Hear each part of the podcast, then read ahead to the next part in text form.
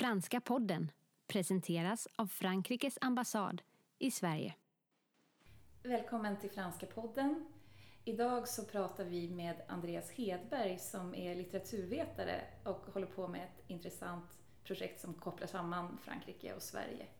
Hej, välkommen Andreas! Tack Ylva! Eh, vill du berätta lite grann om vem du är och vad det är för något som du tittar på nu? Eh, ja, jag heter alltså Andreas Hedberg och är litteratursociolog eh, vid Uppsala universitet. Eh, och just nu så ingår jag i ett stort forskningsprogram med 26 forskare som jobbar med litteratur som korsar gränser kan man säga. Världslitteraturer heter vårt projekt som är finansierat av Riksbankens jubileumsfond. Och mitt delprojekt då handlar om svensk skönlitteratur på den franska bokmarknaden under tiden från 1945 fram till idag. Varför valde du just Frankrike? Eh, ja, Frankrike är ju väldigt viktigt som, som litterär nation. Eh, man har talat om Paris som den litterära världsrepublikens huvudstad till exempel. Paris är en plats där litterära verk får högre status. Författare vill gärna komma till Paris för att träffa franska kollegor och det finns en föreställning om att om man blir berömd i Frankrike då kan man bli berömd i hela världen. Eh, och jag ville helt enkelt eh, studera det där. Alltså finns det några belägg för att Frankrike har varit så viktigt? Eh, skiljer sig Frankrike från andra länder när det gäller översättningar av svensk skönlitteratur till exempel? Och mm. många andra saker. Sen har jag också ett personligt intresse för Frankrike såklart. För du kan också franska, eller hur? Eh, ja, jag talar eh, hjälplig eh, franska och har studerat i Frankrike också. Även om det är länge sedan nu. Mm. Så vad... Ja, vill du berätta lite grann vad du har hittat för saker i din, i din forskning hittills? Ja, jag gick in lite grann med, med några teser. Jag har studerat den här strömmen av litteratur från Sverige till Frankrike under några år nu innan jag började på det här projektet och har liksom några idéer om vad det är som är typiskt för just det här litteraturflödet. Eh, och en sån sak är att eh, om man tittar på vilka verk som översätts från svenska till alla språk i världen så är det till väldigt stor del barn och ungdomslitteratur. Det är ungefär 60 procent enligt flera olika uppskattningar. Eh, men vad man ser när det gäller Frankrike, eller vad jag har sett, är att den andelen är lägre. Vilket innebär då att andelen till exempel poesi eller dramatik eller så kallad kanoniserad litteratur är, är större. Eh, och den bilden har jag fått bekräftad nu när jag har gått in lite mer på djupet. Eh, och det här på något sätt tycker jag då stärker den här föreställningen om att Frankrike är viktigt när det gäller litterär status. Alltså författare som skriver eh, högstatuslitteratur vänder sig gärna till Frankrike och vill gärna bli översatta till franska för att eh, ja, bli mer, nå mer liksom, berömmelse, högre status. Så det, det är en sån där eh, viktig sak tycker jag som man kan se i den här studien. Mm. Så då är det de svenska författarna eller förlagen som i hög grad lobbar mot Frankrike så att säga? Ja, det kan man säga och även enskilda författare. Alltså författarens personliga närvaro tycks ganska viktig. Ehm, Strindberg är ett sånt här klassiskt exempel. Han försökte verkligen slå igenom i Paris. Man talar om eh, Strindbergs försök att erövra Paris. Han skrev ju på franska under perioder, till exempel en dåres försvarstal kom ju ut på franska först. Detsamma gäller eh, Eivind Johnson som skrev en av sina första eh, romaner eh, på franska innan den kom på svenska. Och sen finns det också såklart då ehm, förlag som har velat lansera sina författare i, i Frankrike. Och någonting man inte får glömma också det är ju vilka översättare som finns. Ofta är det så att en en inflytelserik översättare har präglat den här strömmen av litteratur i väldigt hög grad. Eh, och det kan man säga, det finns ofta en sån under varje period som, som har varit viktigast för lanseringen av eh, svensk skönlitteratur i Frankrike och Paris. Mm. Och vad tror du är liksom svårast vad tror du är svårast att översätta? Alltså vilka den svenska kontexten eller den svenska kulturen, vad, vad tror du är liksom svårast att, att överföra så att en fransk publik förstår? Ja, det beror ju lite på vad man, vad man tittar på. När, när det gäller poesi till exempel så finns det alltid svårigheter. Det finns de som säger att man kan inte översätta poesi utan det handlar alltid om att skriva ny poesi. Inspirerad av eh, originalet då. Eh, men det man gör när det gäller poesi är att man ofta samarbetar med poeten. Alltså poeten talar ju ofta franska och hjälper till i översättning då som eh, Eh, i huvudsak då görs av en, av en översättare. Sen är det väldigt svårt med satir skulle jag säga. Eh, jag vet att Liv Strömqvist, serietecknaren som fått sina böcker översatta till franska, har mött problem när man ska hitta då franska motsvarigheter till de eh, personer som hon diskuterar, som ofta är svenska kändisar. Då. Men man lyckas ju ändå med det här. Böckerna kommer ju ut. Så att svårigheter kan övervinnas.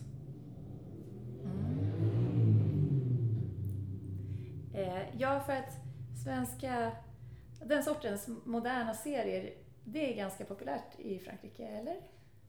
Eh, ja, det är lite svårt med jämförelsematerialet, men man, man kan ju se att sen eh, början av 90-talet så kommer det ändå ganska mycket svenska vuxenserier eh, i fransk översättning. Eh, det är ungefär samtidigt med det här deckarundret som man talar om har det även kommit eh, svenska eh, vuxenserier. Eh, så det finns ett antal, ett antal exempel. Det är inte jättemånga. Eh, sammanlagt är det väl ett 30-tal tror jag album som har kommit på franska under de senaste 20 åren. Mm.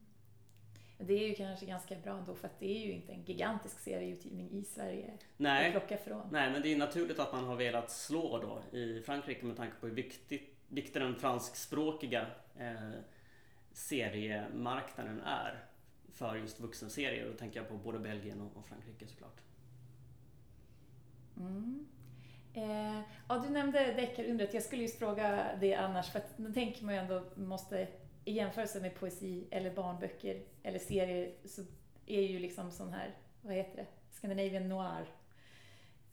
Det är poppis i Frankrike också antar jag?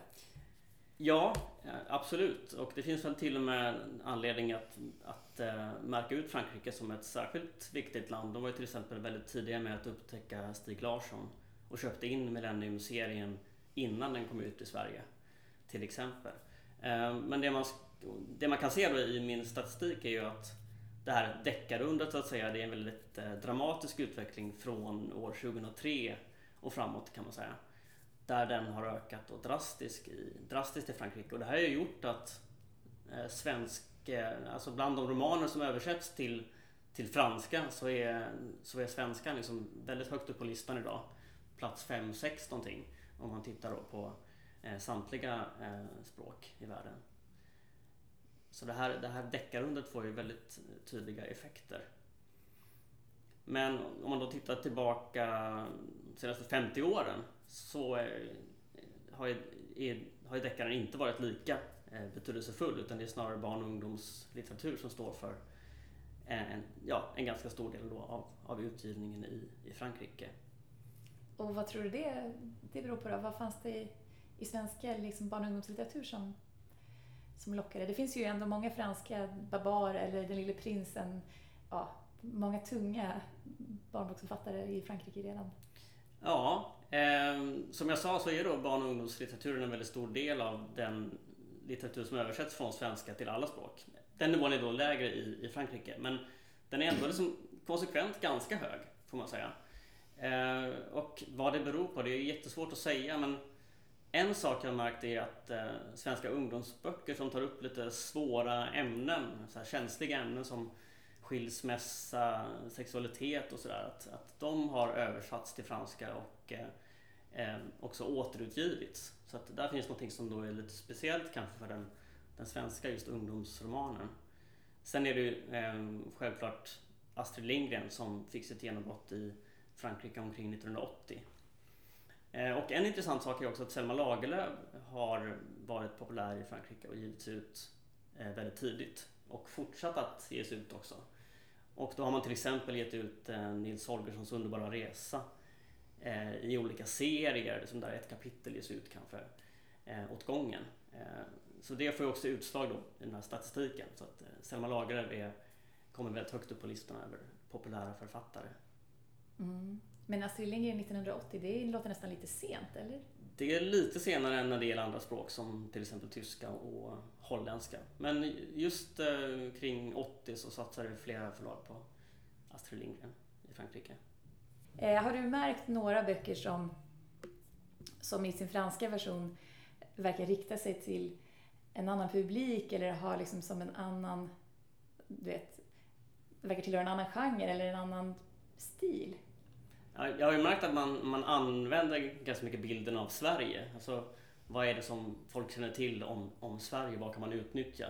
Eh, man kan ta exemplet då med Sjöwall Wahlöös eh, Martin Beck-böcker eh, som ju kom på 60 och 70-talen. När de kom på franska så valde man eh, påfallande många omslag med nakna kvinnor på. Så det är väl en pornografisk, ett pornografiskt bildspråk då som, som man verkar ha utnyttjat då. Och eh, man poängterade också att det här var, liksom, det här var svenska romaner. Eh, och där finns väl eh, den här föreställningen om den eh, svenska frigjordheten eller den svenska synden då, som man eh, antog skulle hjälpa till med försäljningen. Och det här finns inte alls kan man tillägga i den andra och tredje utgåvan av de här böckerna. De har kommit i nya utgåvor i Frankrike. Men det är just de här första som kom nästan samtidigt som de svenska. För de svenska tänker man ju ändå är så här politiska och samhällskritiska och inte så mycket liksom palp eller underhållningsdeckare. Nej precis, om man tittar på de svenska originalomslagen är de, de är svartvita och så står det roman om ett brott och så står det titeln och, eh, och det är ofta bilder på miljöer och sådär. Eh, Och medan då Frankrike har, har va- valt de här ja, nakna kvinnorna helt enkelt på omslagen.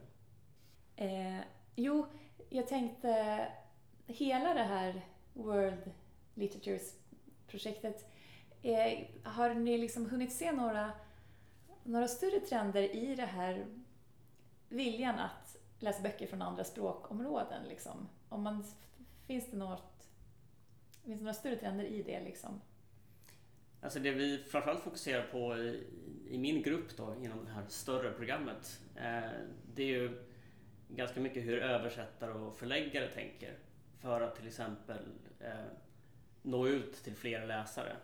Och det handlar ganska ofta om, om att, att eh, komma fram till litterära metropoler som till exempel Paris men också London och New York där böckerna liksom får litterärt värde eh, för att sen då spridas vidare i, i världen. Man talar genom transitspråk till exempel. Om en bok översätts till ett språk så följer översättningen till andra. I Sverige till exempel har det ofta varit danska och tyska som är de här transitspråken. Är man översatt till danska och tyska så kan man sen komma ut i världen. Och franska är också ett sånt här transitspråk för många andra mindre språkområden. Ja, för att det kanske inte ens finns tillgängliga översättare till och med mellan två mindre språk. Så man måste översätta Precis. den engelska Nej, eller nej. den franska utgåvan. Så är det väldigt ofta att, eh, att man får översätta via stora språk. Och så kan det ibland också vara när verk översätts från svenska till franska. De här Martin Beck-böckerna till exempel är översatta via engelska. Eh, Så det förekommer även här. Mm. Det är ju också ett lustigt sammanträffande det här att, eh, att just nu när du håller på med det här att Frankrikes nya kulturminister har en koppling till svensk litteratur.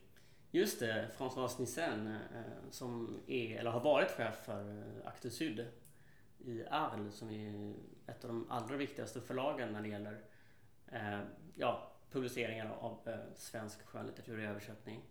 Eh, det var ju också de som gav ut eh, Millenniumböckerna. Och det tycks ju rent vara räddat deras förlag. Det var ju på väg att lägga ner när de fick de här rättigheterna 2004 tror jag det var. Och sen dess har de ju blivit en stor förlagskoncern och haft möjlighet att köpa upp mindre förlag. Eh, det är ju miljontals euro som de har tjänat på de här, de här böckerna. Sen har de ju en bredare utbildning också men, eh, men eh, det är spännande. Hon, hon är också den första förläggaren har jag förstått som, som har den här posten som eh, kulturminister. Vi får väl se vad det kan betyda för de här litterära kontakterna mellan Sverige och Frankrike. Mm. Eh, och eh, har du... Eh, hur länge ska du... Hur länge håller det här projektet på? Alltså jag har precis börjat, så jag har hållit på ett halvår ungefär och det pågår ju fram till och med 2020 så att det är tre och ett halvt år kvar. Eh, Så jag är väl precis i början på det här projektet kan man säga. Mm. Men redan nu har jag hittat jättemycket som måste följas upp och, så att tiden kommer ju inte räcka till, eh, har jag förstått. Har du, några, har du några samarbeten eller kontakter i den franska litteraturvetarvärlden? Ja, jag har en del kontakter med forskare vid Sorbonne. Och de är ju jätteviktiga. Och också kontakterna med översättare som jag är lite bekanta med. Eh, och eh, samtal med dem kommer ju bli jätteviktiga. Jag märker redan nu att den här forskningen är helt beroende av att man samarbetar med andra. Det här är ingenting man bedriver i, i ensamhet på kammaren utan det här är nästan en kollektiv process då, att, att förstå de här kulturella kontakterna. Mm. Och eh, om, jag, om jag avslutar nu på en lite lättare not. Vad, eh, vill du säga någon, kanske en svensk författare och en fransk författare som, som du rekommenderar att man läser nu på semestern?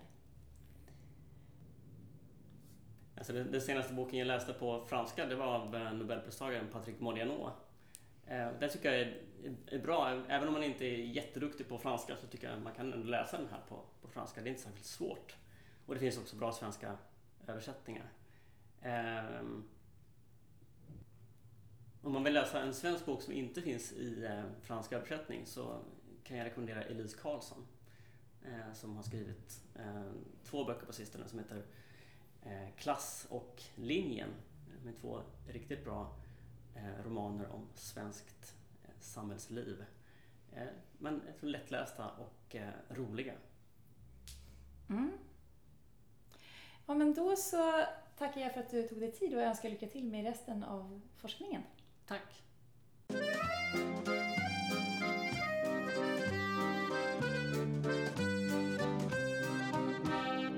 Franska podden presenteras av Frankrikes ambassad i Sverige.